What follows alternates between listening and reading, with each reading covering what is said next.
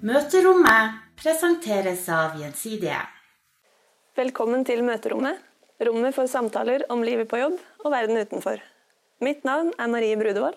Og jeg heter Lina Marcelius. Dette er episode nummer 17, spilt inn 10.9.2019. Line, gidder du å vippse meg for den kaffen du trodde du fikk i dag tidlig? Ouch, det er såpass, ja. Hmm. Vet du, Marie, det kunne jeg selvfølgelig ha gjort, men akkurat den uka her så må jeg prioritere å betale forsikringene mine framfor kaffen som ja, jeg trodde jeg fikk. Artig at du sier det, for i dagens episode blir det både VIPS og forsikring. Vi har nemlig fått besøk av sjefen sjøl, Helge Leiro Båstad, og sjef for utenlandssatsingen i VIPS, Berit Svendsen. De har begge lang erfaring som toppledere i næringslivet, og alt det innebærer av omstillinger og utvikling i et stadig mer digitalt landskap. Det skal vi snakke litt om i dag. Helge og Berit, velkommen skal dere være. Tusen takk. Aller først så har vi noen faste spørsmål som vi alltid begynner med her i møterommet. Eh, og da tar vi det første. Hva var den første tanken som slo deg da du så deg sjøl i speilet i morges? Nei, jeg tenkte at det var deilig det er fredag, jeg. Ikke sant? Ja det, ja, det, var absolutt det som slo meg først. Og at det er godt liksom å få to dager fri. Så du sto opp med en god fot i dag, da? Ja, ja. veldig god fot. Helge? Det første som slo meg, var at jeg bør klippe meg. For når du blir eldre og får grått hår, så ser du så gammel ut når du begynner å vokse. Så det var faktisk eh, Nå er jeg åpen og ærlig her, og det var det første som slo meg. Ja, nå, nå ser jo ikke alle som hører på, men eh, jeg vet ikke om jeg tør å si at jeg er enig. du, du, har kanskje booka en time allerede? da? Nei, jeg skal kanskje i morgen formiddag. Kanskje i morgen. Ja, men Da gleder vi oss til kortklipp til helgen neste uke. ja. Eh, hvis du kunne få nøyaktig hvilken jobb du ville, hva skulle det vært? Nå begynner med deg, Berit. Og jeg syns jo at jeg har en fantastisk spennende jobb, jeg, da. Og eh, skulle ta Vipps lommeboka, som er så stor suksess i Norge, og bank-ID eller elektronisk ID til utlandet, det er jo en Ja, det er jo en kjempespennende oppgave. Så jeg syns jo at eh, jeg har den fineste jobben. Veldig politisk korrekt svar. Helge? Nei, hvis, er, nå er vi veldig kjedelige her, men hvis jeg som konsernsjef i Gjensidige etter mange år skal begynne å drømme om andre jobber, så er det kanskje litt dumt. Så jeg tror ikke jeg skal gjøre det. Så jeg er enig med Berit. Men du, du, Så du går ikke og ruger på en sånn guttedrøm som du Nei, egentlig jeg, jeg gjør ikke det. Nå har jeg vært i selskap i 22 år. Det er kjempespennende. Jeg får energi hver eneste dag, og, og det er jo sant. Eh, så den dagen det er slutt, og det blir slutt en dag, da får vi finne på andre ting. Men jeg kan ikke drive med det nå. Nei. Hvis du kunne fått et møte med hvem som helst, død eller levende, hvem skulle det ha vært? Helge, begynn med det. O. Oh, død eller levende. Eh, Leonardo da Vinci eh, hadde vært spennende. Ja. Det og virkelig forstått det som foregikk eh, i Firenze og Italia i renessansen. For det, det, var kraftfullt, og det var spennende. Og jeg tror vi kunne lært noe av det. Det der smeltedigelen mellom bank og finans og kunst og Så det hadde vært spennende. Kanskje det blir en studietur da, etter en tid gjensidige? Jeg har vært der. Du har vært der! så du er litt i gang allerede? Litt. Ja. Og du da, Berit? Jeg er veldig begeistra for Gro Harlem Brundtland. Jeg, da. jeg ja. syns hun har vært et sånn fantastisk forbilde for eh, veldig, veldig mange i Norge.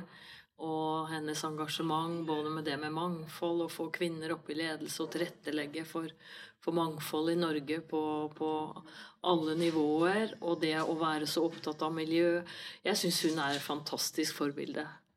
Så hun har du litt med deg i det du, du gjør, kanskje? Ja. Eh, Helge, du har jo vært gjest her i møterommet tidligere, så det kjenner vi litt fra før. Men eh, Berit, kan ikke du starte med å fortelle litt om deg selv og hva du driver med om dagen? Jeg vet at du er fra Fredrikstad, men du preker ikke så mye? Nei, jeg preker ikke så mye, bortsett fra når jeg er hjemme. Jeg er fra Kråkerøy, som er en liten øy med ja, 5000 innbyggere, som er eh, da forbundet med, til Fredrikstad med en broforbindelse. Så hvis du skal til Hvaler, så må du alltid kjøre over Kråkerøy. Eh, og der er jeg fra. Blomsterøy. Det var uh, fin oppvekst. Eh, Fredrikstad er blitt en nydelig by, syns jeg. Man kan reise gratis med ferja og liksom sette bilen hjemme. Jeg syns det er helt fantastisk hvordan man har tenkt miljø og, og, bruke sånn elva som tilførselsvei. Um, Jeg er teknisk utdanna ved Høgskolen i Trondheim. Det het NTH den gangen. Det er jo ingen som vet hva det er lenger. Så det er NTNU. Vi trønderne husker det. Ja. Eller det er liksom sånn dem, dem som går på NTH, er på en måte et begrep da, for oss. Ja. Så da gikk jeg, eh, og etter det så har jeg jobba i Televerket Telenor i 30 år. Jeg begynte, så var akkurat eh, ventelistene på fasttelefoni eh, opphørt. For man måtte stå på venteliste. Og jeg har vært gjennom tre mobilgenerasjoner eh, eh, og en internettrevolusjon. Så det har jo vært helt fantastisk. Og nå jobber jeg i VIPS og skal ta alle de spennende teknologiene til utlandet. Og jeg er gift og har to barn, en 13-åring og en 16-åring. Eh, og de er da ungdommer som står på sitt. Så det er noen interessante diskusjoner på hjemmeplan for tiden. Skjønner. Eh, Du jobber i VIPS. Hvor mange ansatte er dere egentlig? Da er ca. 200, men så er det også en del konsulenter. Fordi vi investerer veldig. Vi konkurrerer jo med de store globale aktørene. Og vi vet jo hva slags ressurser de har, både i form av penger og folk. Så vi må satse eh, skal vi klare å gjøre noe. Dette er et eh, spørsmål vi er pålagt å stille til deg, Helge. Bruker du VIPS? Jeg bruker VIPS. Ja, ja. Yes, ja, ja. vi regna nesten med det, Ja. siden det er så mange som Det, bruker jeg det. syns det er strålende. Men hva tenkte du når den gangen VIPS, eh, ja det er ikke så mange år siden, da, kom seilende inn som en eh, ny og fantastisk løsning for dem som trengte å dele penger med folk, eller be om penger? Nei, jeg syns, jeg syns uh, norsk finans, nordisk finans, VIPS, MobilePay Jeg syns de har vært kjempeflinke. Uh, og, så jeg syns det var innovativt, jeg syns det var bra, og jeg er storbruker selv eh, av VIPS. Så er det utrolig spennende å prøve å predikere hva som vil skje langt der framme, men eh, jeg har jo lært at i finans er evighetens perspektiv fem år. eh, Og jeg tipper VIPS skal være her i fem år, og etter det så aner jeg ikke. Det er godt å høre, da, men vi, vi er jo litt avhengig av det, på en måte.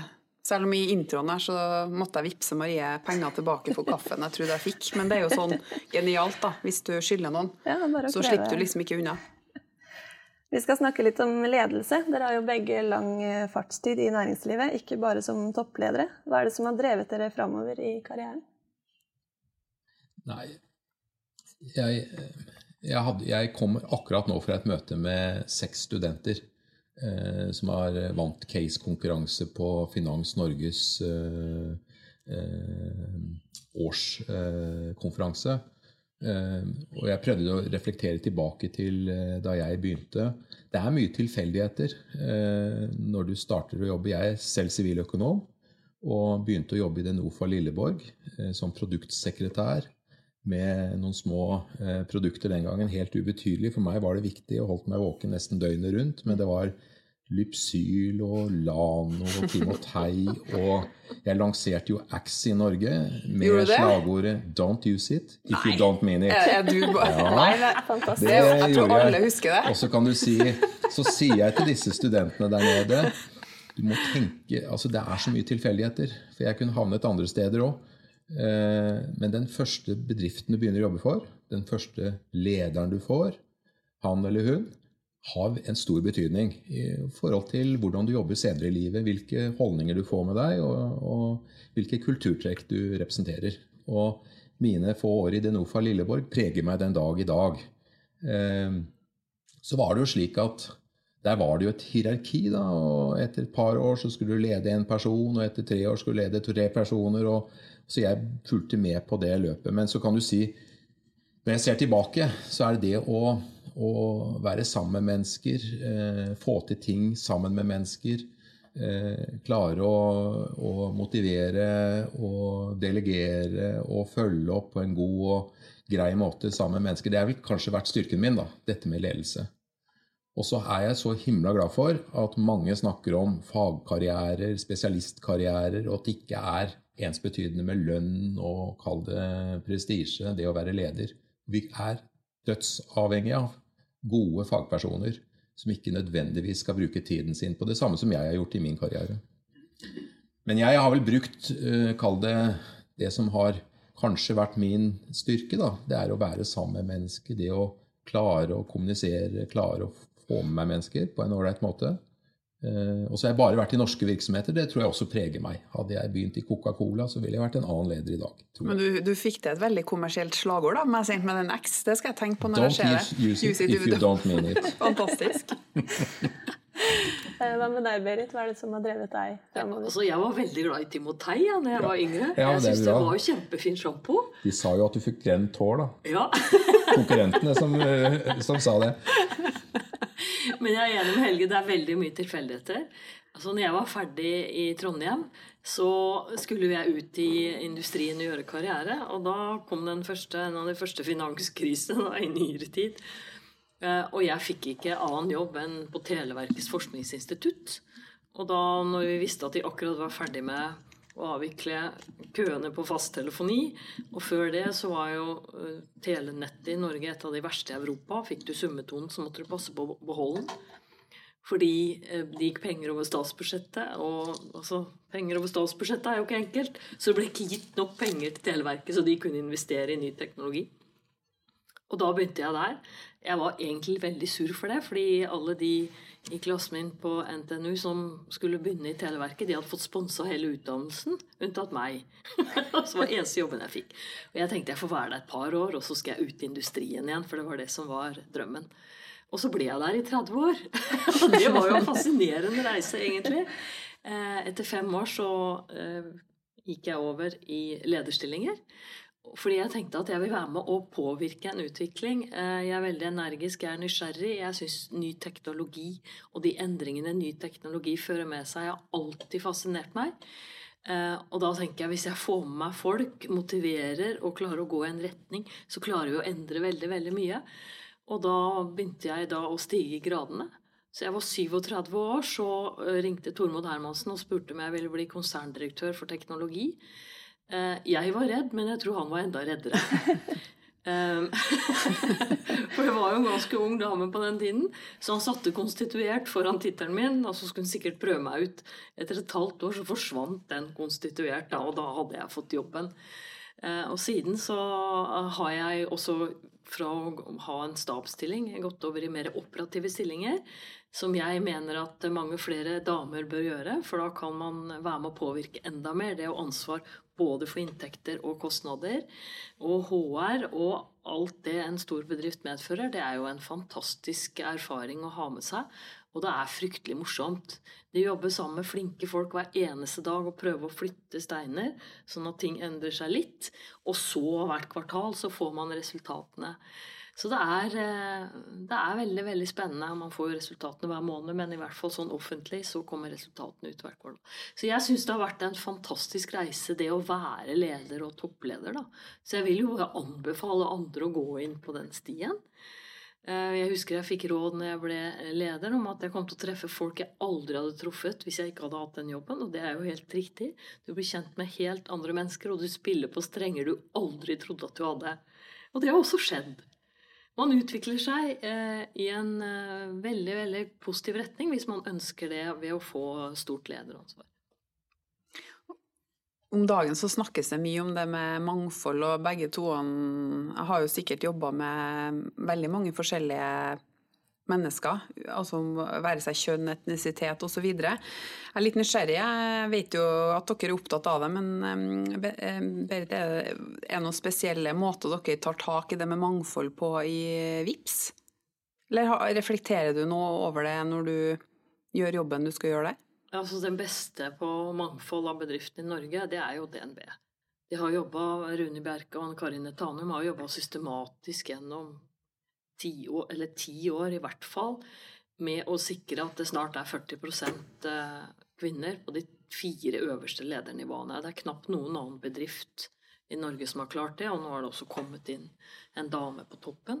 Så jeg syns det har vært systematisk arbeid med å dyrke frem talenter, passe på at det alltid er en kvinne og en mann ved enhver ledig stilling, og passe på at man utvikler begge kjønn til å evne å, å gå til toppledelse.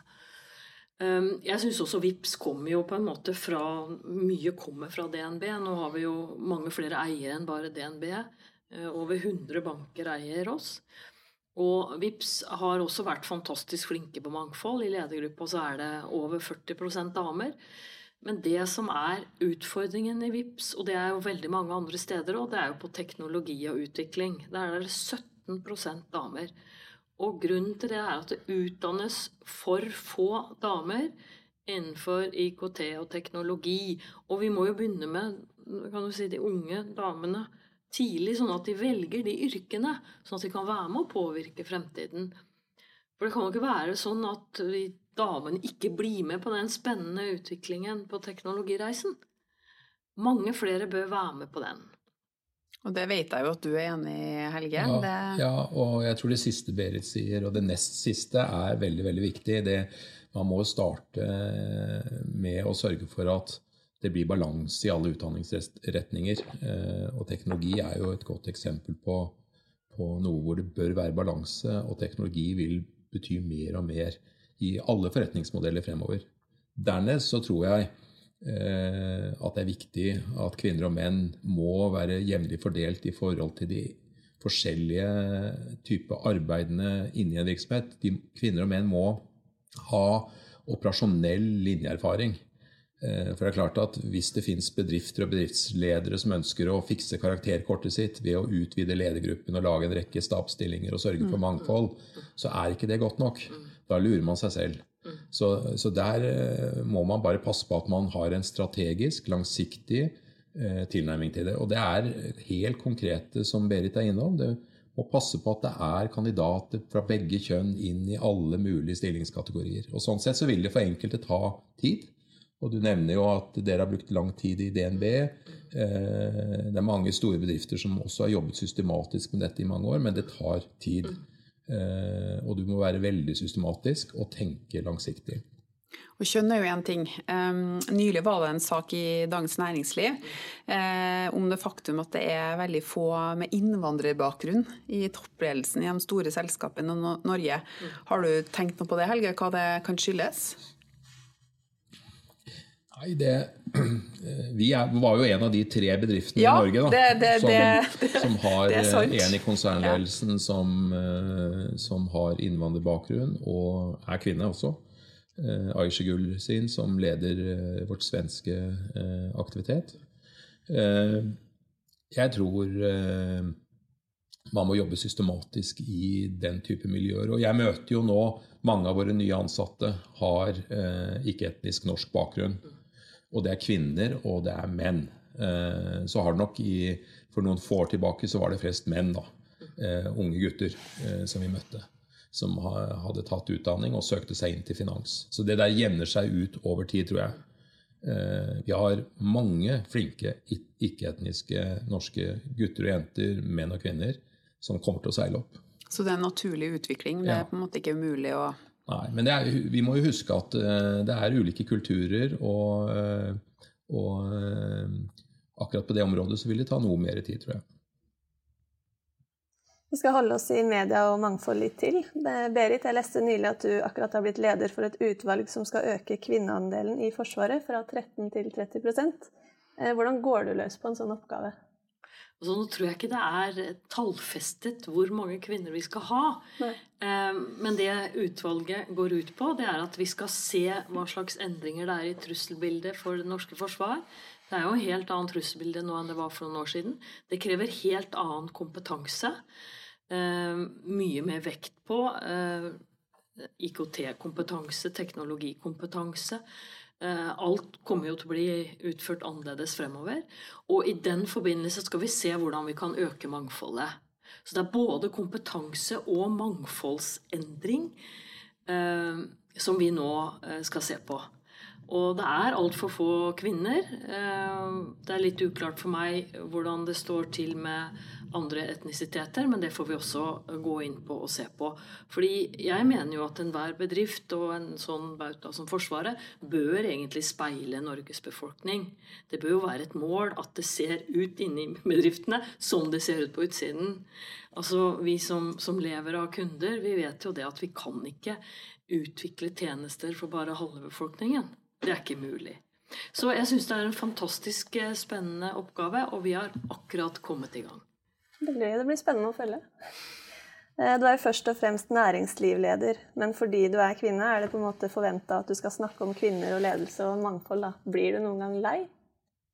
Altså, jeg kommer ikke til å bli lei av det temaet før vi ser en mye bedre balanse eh, på toppen av norsk næringsliv, og i de yrkene hvor det ikke er god nok kjønnsbalanse. Altså, da er, jo teknologi brenner jo jeg for, men det er like viktig å ha eh, like mange kvinner som menn i læreryrket, i sykepleieryrkene. Altså, det er overalt. Hvis barna våre bare møter lærere av ett kjønn, så, så, får ikke de med seg at liksom, det er mulig for et annet kjønn å bli lærer. Jeg tror det er veldig viktig at uansett de yrkene vi ser nå, begynner å få en liksom, litt overkant av det ene eller det andre, så bør vi tenke gjennom hva vi gjør for å rekruttere inn bedre kjønnsbalanse. Og det med etnisitet, kjønn, eh, bakgrunn er jo én ting, men egenskaper er en annen interessant greie, og spesielt på ledernivå så vet jeg jo vi gjensidige, Helge, er opptatt av det som ligger i fremtidens lederskap. Og da begynner jeg med deg. Hva mener du er de viktigste egenskapene en leder bør ha i framtida? Altså kanskje ikke bare ledere, også, men medarbeidere. Da. For det, jo, det, har jo skjedd store ting de siste bare ti årene. Ja. Når det gjelder ledelse, så så skal vi ikke glemme at det har noe med personlighet å gjøre i bånd. Eh, du må være inderlig opptatt av å være sammen med mennesker. Du må være nysgjerrig på mennesker. Du må trives sammen med mennesker. Og Det er derfor, derfor jeg starter med å si at det at vi har fagkarrierer og lederkarrierer, og, og at vi lager ulike karriereveier da, eh, for de ulike interessene og personligheten er viktig. Så det er uforandret. Eh, dernest så tror jeg ledere eh, fremover må være grunnleggende nysgjerrig. Det kommer til å være så raske skifter. Det kommer til å skje, og teknologi vil jo være en driver i forhold til det. Og så hjelper jo myndighetene til både nasjonalt og internasjonalt ved å prøve å deregulere mest mulig. Eh, så du må være grunnleggende nysgjerrig. Og, så tror jeg som leder så må du også være prestisjeløs. Eh, du du må vite at du som leder har det, den stillingen din til låns eh, en periode. Og slippe andre til, eller gå inn i andre spor når, du, når, det, er, når det, er, riktig. Og jeg har brukt et bilde på, på Gjensidige hvor jeg har sagt at eh, drømmen min er at det er bare én leder i selskapet som må slutte eh, eh, i jobben sin når, når vedkommende går ut av lederstillingen, og det er konsernsjefen så er drømmen min at alle andre skal kunne bevege seg fra ledelse, konsernledelse, inn i prosjekt eh, på kryss og tvers, uten at det skal gå utover prestisje eller motivasjon. Og Det betyr at vi skal jobbe med kulturen vår, vi skal jobbe med insentivmodellene våre. Vi skal jobbe med ganske mye for å få det til. Men da har vi en organisasjon som virkelig er spennende. Og Jeg har brukt dette bildet mitt på ledelse i gamle dager. En, en som var dirigent i et symfoniorkester og i, morgen, eh, i morgendagens ledelse en som dirigerer, dirigerer et jazzorkester. Og det er forskjellige disipliner. da, Å få det til å virke. Så eh, morgendagens ledelse vil, det vil eh, være, dreie seg om noe helt annet, tror jeg. Men det er langt frem, og jeg, du, du, det er mye prestisje knyttet til ledelse fremdeles. Og, men jeg, drømmen min er som sagt det er én som bare må gå, for det blir komplisert. Eh, og fortsatt være inne i virksomheten. Og det er eh, vedkommende som har det øverste ansvaret. Hva tenker du om det, Berit? Nei, det er jeg jo helt enig i. Eh, å være øverste sjef, det er vanskelig å gjøre noe annet når du har sittet i en bedrift og, og på en måte hatt den jobben. Så det tror jeg er både sunt for bedriften og den det gjelder, at man da får på plass noe annet, og da at ikke man blir gående i gangen som en sånn syvende far eller syvende mor i huset. Det er ingen tjent med. Um, og der ser jeg at det private næringsliv er jo veldig flinke på det. Um, på å på en måte Er det over, så er det over. Og all respekt for den jobben som er gjort. Um, når det gjelder egenskaper fremover, så er det jo veldig mange eksperter nå som påpeker at de mer myke verdiene vil få uh, større betydning. Ikke bare at man kan regneark og analyse og finansiell informasjon, fordi altså, robotene er jo allerede inntatt næringslivet, og roboter har verken humor eller empati. Mm. Og det betyr jo at vi menneskene må på en måte ivareta alle de egenskapene som ikke en robot har. Vi må være kreative, vi må samhandle med andre mennesker. Altså Når vi nå ansetter i VIP, så er det med å samhandle i team er jo noe av det aller aller viktigste egenskapen jeg ser etter. Og vi kan ikke ha sånne som bare låser seg inn på rommet og sitter der og studerer noe hele dagen og kommer ut og har funnet løsninger. Altså Det bidrar jo ikke til å dra bedriften fremover. Så det med evne til på en måte å omgås andre, samhandle, det med teamarbeid, det med å ha empati, det å ha tid til å prate med folk, altså det er også mange toppledere må trene seg mye, mye mer på. Altså, jeg hadde en fantastisk eh, coach en gang som sa til meg at jeg måtte stille mye mer spørsmål. Det var måten på en måte jeg ikke skulle virke og ikke være så travel og liksom løpe etter neste resultat. For jeg har jo uh, vært leder en stund og er jo iboende resultatorientert. Men det med å evne litt sånn småprat, det er slett ikke dumt. Det er jo interessant at du sier, for både jeg og Maria vi har vel snakka om det i iallfall én podkastepisode tidligere, om ledelse handler om å være introvert eller ekstrovert. Helge, kjenner du litt på det, at det forventes at en leder på ditt nivå skal liksom være sånn smalltalkens far og bare liksom ta alt på strak arm? og ja, Vi ber deg jo ofte om å gjøre ting du ikke er forberedt på. Men så må man nødvendigvis ha den der eh, utadvendte, proaktive legninga for å ta ansvar. Nei, jeg kjenner fryktelig mange ledere som er grunnleggende litt introverte. Eh, og, og, men er du, er du altfor introvert eh, og ikke evner å være sammen med mennesker, så er det tungt å være leder. Da er det eh, fagspesialisten kanskje mer, eller? Ja, men, men, så mener jeg at veldig mye kan læres.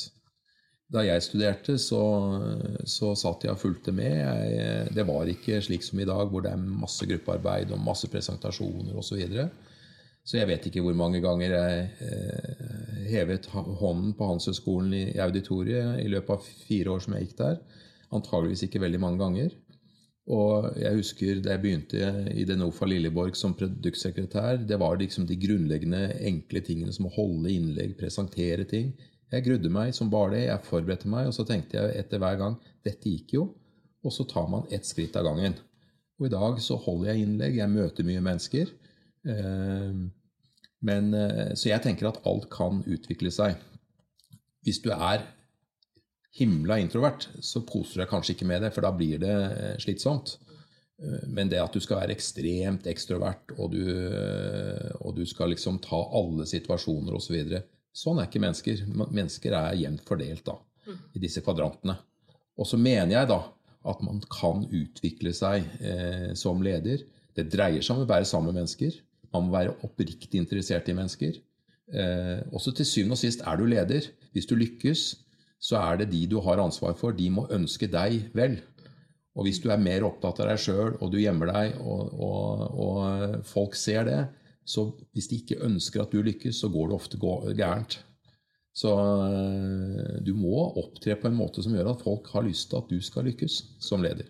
Men det er håp også, det er ikke nødvendigvis en der eh, pratsaft.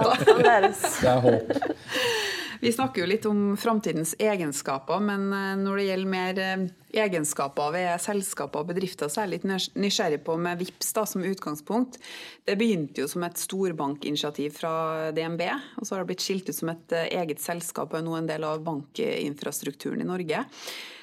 Berit, for å begynne med deg. Tror du det liksom er framtida? At det, det, det, er sånn vi må liksom formere oss, eller bedrifter må vokse for å stå imot de farlige konkurrentene i Amazon og Google og alt det det liksom bøsses litt om i, i markedet? Så Norge kan jo bli mye, mye flinkere på det å dyrke fram eh, bedrifter. Nå har vi blitt mye flinkere på å få frem startups. Men det er veldig få bedrifter som evner å bli scale-up, skalere opp og uh, på en måte sette i gang et utenlandseventyr. Der er jo svenskene mye, mye flinkere enn oss. De har lang erfaring i å bygge industri. Eller første- og annengangsinvestorer og nei, gründere de går tilbake og investerer i selskaper igjen. Så du får på en måte mye bedre tilgang på kompetent risikovillig kapital. Og det syns jeg vi mangler litt av i Norge. Det med å evne å få opp bedrifter som kan konkurrere med de store. Svenskene har jo bl.a. Klarna, sant, som har blitt en kjempesuksess på, på elektronisk handel, bl.a. Så jeg tror at eh, vi må jobbe mye mer med det. Og om det er entreprenørskap som skjedde i DNB, ved at en stor bedrift gjør det, og evner på en måte å skape et prosjekt, så en bedrift, og så, når eh, markedet var vunnet, så inviterte de alle andre banker inn på eiersiden for å sikre at hele Norges befolkning skulle få mulighet til å få tilgang på tjenesten på en veldig enkel måte ved at alle bankene solgte det. Det er jo, et, det er jo en fantastisk historie. Eh, men jeg syns ikke det er så mange andre historier om det. I hvert fall ikke kjent i Norge at, store, at, de store bedriftene har vært veldig dyktige på det. Og da må vi også satse på startups, for at vi må evne å konkurrere. Altså innenfor bank og finans. Det er sånn som Helge var inne på i stad. Norden er jo verdensledende. Altså Vi har en effektiv betalingsinfrastruktur. Vi er et av de kanskje første landene i verden som kommer til å bevege oss mot færre og færre kontanter. Eh, fordi vi har så mange andre alternative måter å betale på. Både en effektiv kortinfrastruktur samt at vi har VIPS lommeboka. Og, og, kundene velger bort kontanter. I EU så er det jo helt motsatt. Det er jo 60-70% av alle transaksjoner er kontanter. Så vi har kommet så langt i dette landet. Vi har en bank-ID som er en elektronisk ID, som gjør at du får tilgang til nei, skatteoppgjøret ditt, du får tilgang til mm, medisinsk informasjon, journalen din, du får tilgang til vitnemål. Altså, vi har kommet veldig langt. Men det å evne å gå internasjonalt med disse tjenestene, hvor vi ligger langt fremme Vi er høyt utdanna befolkning, vi elsker å ta i bruk ny teknologi. Det må vi bli flinkere til. Og det håper jeg vi klarer. For vi har en mulighet. Hva slags andre nye forretningsmodeller kan vi se for oss i fremtida? Har du noen tanker, Helge? Som jeg sa, evighetens perspektiv i mitt hode er fem år. Eh, nå gjør jeg det litt enkelt. Det er vanskelig overskue trendene. Vi, vi snakker om førerløse biler. Eh, vi snakker om eh, Internet of Things som vil prege veldig mye av uh, hvordan kanskje tjenester konsumeres. Jeg var i Kina sammen med styre og ledelse nå rett før ferien og besøkte et 20, 30 år gammelt forsikringsselskap som heter Ping An, som snart er verdens ledende. Og, og da så jeg virkelig hvordan kineserne jobber med med økosystemer. Det var eh, egentlig en, en, sterk opplevelse. Fordi det er langt utover hva jeg har sett i Europa og USA. Eh, og så er det klart at I Europa så har vi en regulering som er annerledes.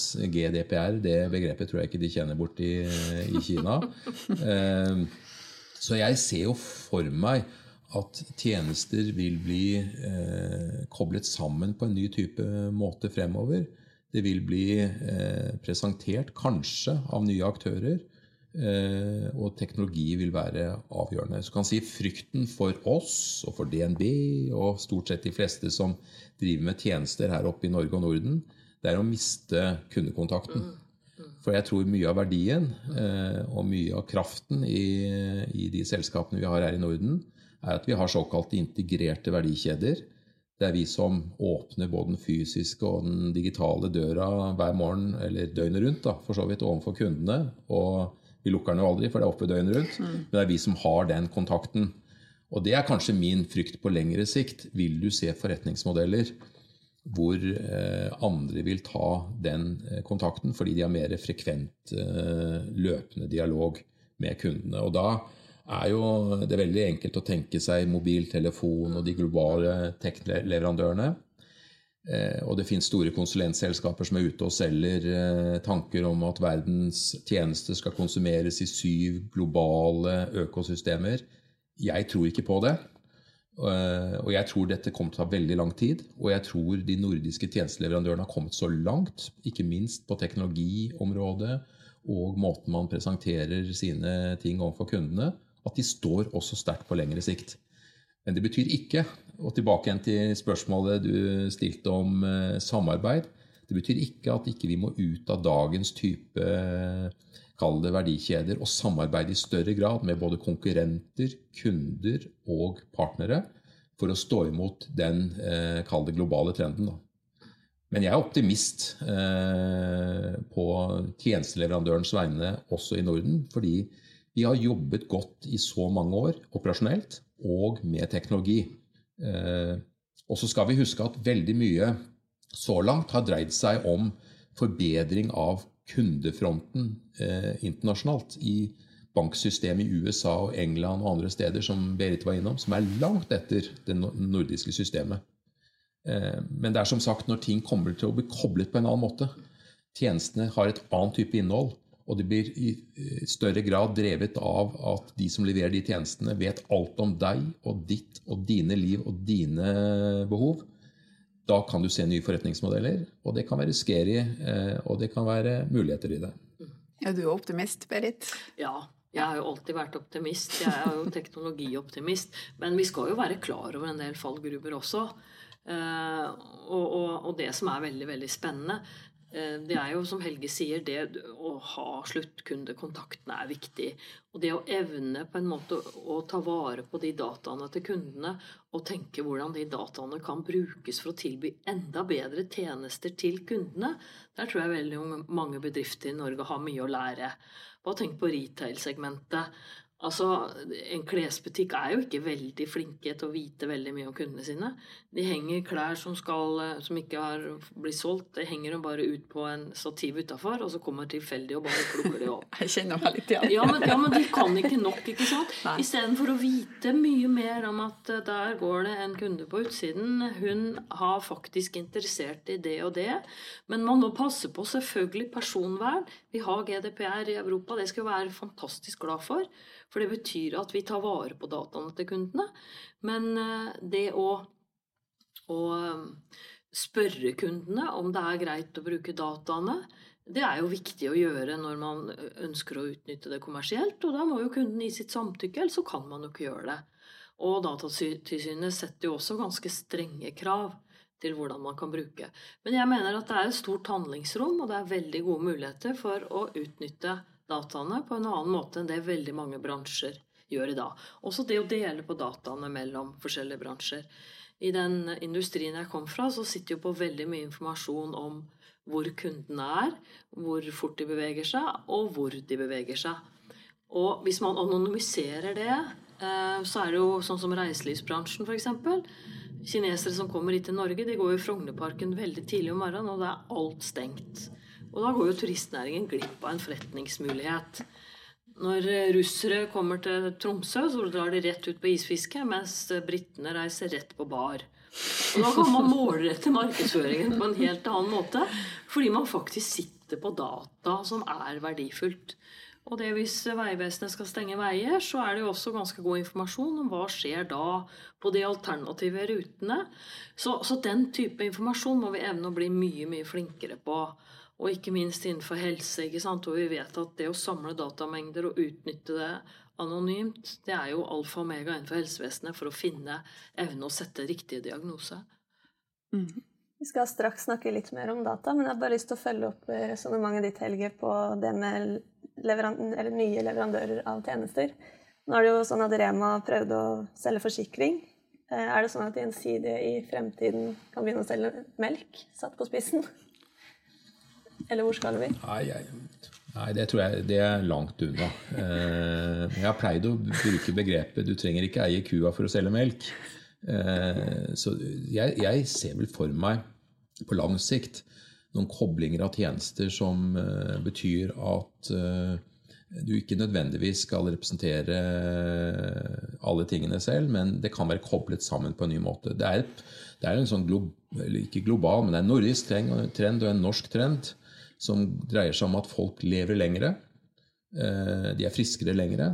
Eh, myndighetene vil ikke kunne ha anledning til å støtte med de samme velferdsgodene eh, en befolkning som blir eldre og eldre, og får naturlig nok mer og mer sykdommer og mer og mer behov for tjenester. I det, kalde det spacet, så ønsker Gjensidige å være til stede. Og, og det kan bety koblinger av eh, en rekke typer tjenester. Det kan være risikoprodukter, det kan være spareprodukter, det kan være helsetjenester. Det kan være rådgivning knytta til det å få den riktige behandlingen hvor som helst på kloden hvis det oppstår et behov knytta til cancer eller andre ting. Eh, og det er ikke melk i det, men det kan være mange andre ting Men det er butikk.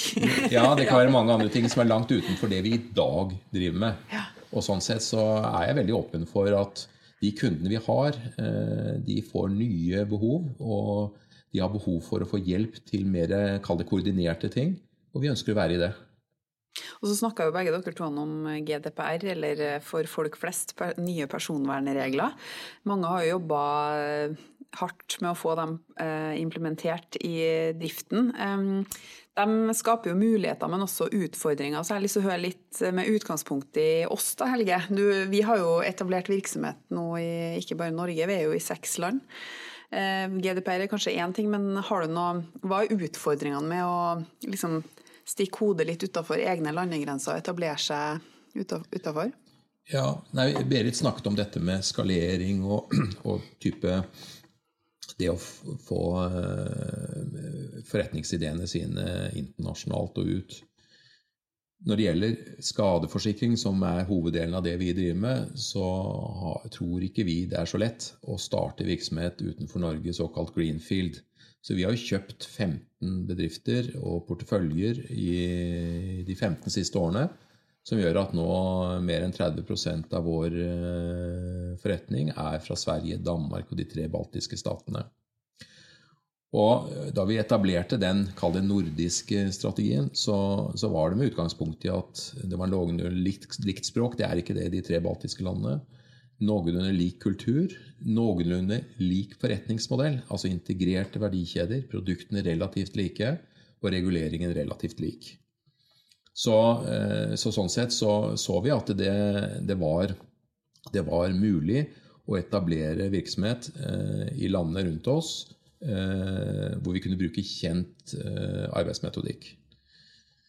Når det gjelder, og Dette er jo et ganske spennende tema. Det store spørsmålet er fins det gode nordiske eksempler innenfor telekom, innenfor bank og finans, Eh, hvor det virkelig er pan-nordiske organisasjoner og synergier, hvor dette faktisk har virket. Innenfor bank så er det spørsmålstegn, i hvert fall enn så lenge. Innenfor livsforsikring så ser vi egentlig ikke noen gode, gode eksempler, for der er det forskjellige skattesystemer osv. Innenfor skadeforsikring så har vi jo sett at dette faktisk har virket. Og If, da, eh, Eida Sampo, er et godt eksempel innenfor eh, Telekom kjenner Berit bedre enn meg, men det har vel sikkert vært litt sånn vanskeligheter eh, over landegrensene der også, skulle jeg tro. Men vi, vi, vi, tror at det er et nordisk marked. Og så blir jeg ofte spurt om eh, ja, hva er det neste hvis dere blir enda større i Norden og skal videre. Da syns, jeg syns jo den Telenor-historien er fantastisk, og det er jo en av de morsomste industrihistoriene synes jeg, de siste 20-30 årene. Eh, og det er skrevet bøker, og det er eh, masse spennende i den historien. Det er masse virtu tilbake i tid fra de som eh, tok de grepene. Og jeg tenker nå, og dette er jo ikke noe signal til noen som helst aksjonærer, for det er Norden, det er Norden vi skal være i, men på et eller annet tidspunkt, hvis skadeselskapene i Norden skal ut av Norden, så tenker jeg du skal tenke akkurat likt som vi har tenkt i Norden. Man må finne land hvor kultur, Eh, eh, hvor verdikjeder eh, og arbeidsmetodikk er relativt lik. Og da er Canada f.eks. mye likere Norden enn Tyskland, Frankrike, England og Syd-Europa. Det Telenor valgte å gjøre, å hoppe over disse avanserte Jeg syns jo det er en kjempemorsom historie. Men det å gå internasjonalt, det er ikke bare å gå, altså. Der skal du gjøre mange overveielser. Kjenner du igjen i det, Berit? Altså i den utenlandssatsinga, Det er ikke bare rett frem og å oh, nei. Nei. Det vi skal gjøre i VIPS nå, det er ikke å eksportere teknologi. Men det er jo å eksportere en samarbeidsmodell mellom bankene som har vært utvikla gjennom titalls år i Norge fra Bankenes betalingssentral. Og det å få banker til å samarbeide Vi gjør det i Norge, men jeg er enig med Helge. Det kunne sikkert vært et større samarbeid i Norden. Det, er, eh, det tar tid. For det er ingen banker i Europa som samarbeider. Derfor har man ikke fått fram effektive betalingsinfrastrukturer. Det er veldig få som har et kortbasert system som vi har med bankaksept i Norge. Og elektronisk ID finnes bare i Norge, Sverige og Danmark. Så, så det, er, det, er, virkelig et potensial. Men hvordan denne samarbeidsmodellen eksporteres, det er jo det er den vanskelige delen av dette. Så jeg er litt nysgjerrig på det med stor og, og tung bedrift med, med lang historie, iallfall i ett land, eh, kontra en eh, litt yngre og det mange kanskje tror er mer sånn smidig bedrift. Helge, tror du det er lettere for VIPS å kaste seg rundt enn, en for oss gjensidige? Ja, det er klart det er mye lettere. Det er mye lettere for VIPS å kaste seg rundt enn det er for DNB også. Eh, og det er jo det er jo en stor bedrift. Eh, har eh, sin historie å bære på, sin kultur og sin arbeidsmetodikk. Og ikke minst sin regulering, eh, hvor det stilles krav. Eh, så, så, skal man få helt nye ting til å skje og skalere, som Berit sier, så, så er det et stort spørsmål hvordan man skal gjøre det. Finn er jo et godt eksempel på utsiden av Skipsted. Eh, Vips er et veldig godt eksempel. Når det er sagt, så er det veldig mange som diskuterer at vi, alt som har med innovasjon å gjøre, må vi sette på utsiden fordi vi klarer ikke det på innsiden. Det tror jeg er livsfarlig. Vi må være, fornye oss selv, vi må innovere. Vi må ha dyktige teknologer. Vi må ha dyktige eh, prosesser for hele tiden å tenke nytt inni vår virksomhet. Og Hvis ikke, så går det gærent med oss. Og så kan det jo være hvis det er noe som F.eks. VIPS, da, eh, hvor du må samarbeide med andre, slippe andre inn på eiersiden, hvor det dreier seg om et forsvarsverk, og det er jo det det først og fremst dreier seg om. Da tenker jeg smart å sette litt på utsiden, slippe andre inn, eh, og ikke niholde på alt selv. Jeg tror det er smart. Og Berit, er VIPS så lettbeint som man kan få inntrykk av? Altså, det er jo En kunde klager på en eller annen funksjon, og så går det to dager, og så VIPS, så er det på en måte fiksa? Så VIPS er jo en lettbent organisasjon med 200 ansatte og veldig kort vei opp fra ansatte til eh, toppledelse. Så jeg vil jo si at VIPS er veldig lettbent, og det er stort tempo. Eh, men de vi møter når vi skal eh, internasjonalisere Én ting er den norske befolkning, som elsker ny teknologi og tok dette sånn. Det er knapt noe annet sted i verden du har fått sånn utbredelse på en tjeneste i forhold til befolkning. Ja, det var Facebook og Vips, liksom. Så, så, det er jo utrolig bra. Men når vi skal til utlandet, så møter jo vi etablerte bedrifter som har levd i mange, mange år som DNB og Gjensidige. Og det er jo da de vi ønsker skal gjøre noe. Og det er jo der noe av utfordringen ligger. For vi trenger jo partnere. Vi har ikke lokalkunnskap om reguleringer Eh, infrastruktur i landet. Så vi trenger å ha partnere med oss. Vi skal snart uh, runde av, men uh, det siste jeg lurer på, er hva er det gjensidige kan lære av VIPS og omvendt? Ja, jeg, jeg, jeg, kjenner ikke eh, Kall det detaljene i VIPS, men jeg tror hvis jeg skal bevege meg helt overordnet, så er det nok å tenke hva er det vi kan samarbeide med våre konkurrenter om? Eh, og hva er det kritisk viktige i den virksomheten vi driver for å bevare kraften på lang, lang sikt? Og så er det noen ting hvor det er viktig for oss kanskje å ha enda større skala og størrelse. Eh, og vi skal være villige til å være søkende i forhold til å samarbeide om langt mye mer enn hva man har gjort historisk. Det tenker jeg det er, eh, det er læring nummer én. Og så syns jeg jo Eh, man kan reflektere rundt nordiske banker og digital posisjon. Det dreier seg mye om hva en toppledelse og en toppleder setter som dagsorden. Eh, og det er klart at eh, det syns jeg også er noe å ta med seg og lære av. Man har satt en dagsorden. Man har glemt tradisjonelle business case og, og alle som sitter og regner eh, på de ulike casene, har kanskje ikke fått lov til å ha like stor innflytelse når man har gått i gang. Eh, og noen ganger så er det viktig at man tør, tar sats eh, og, og, og virkelig tror på noe og setter en dagsorden. Og det tror jeg også er en, en læring nummer to her. Mm. Og utover det så må jeg snakke enda mer med Berit og de som leder VIPS for å finne flere læringspunkter som sikkert er der. Da har vi sådd det frøet i dag, da. Ja da. Hva med deg, Berit? Er det noe du tenker du kan lære av Gjensidige? Altså, Vi hadde jo et fantastisk samarbeid med Gjensidig bank, men det er jo ikke en del av, av Gjensidige lenger. Eh, og der hadde vi gode prosjekter som vi lærte veldig veldig mye av. Men jeg tenker at det som er bra med Gjensidige, er jo at de har stått i det i mange mange år og evna å internasjonalisere seg i de nordiske landene, som er veldig sånn nærliggende å gjøre i første runde, også med Baltikum. Så det med evne til å gjøre det, det tror jeg flere burde ha nytte av å se på, også i VIPS. Også det med å internasjonalisere seg ikke bare bare.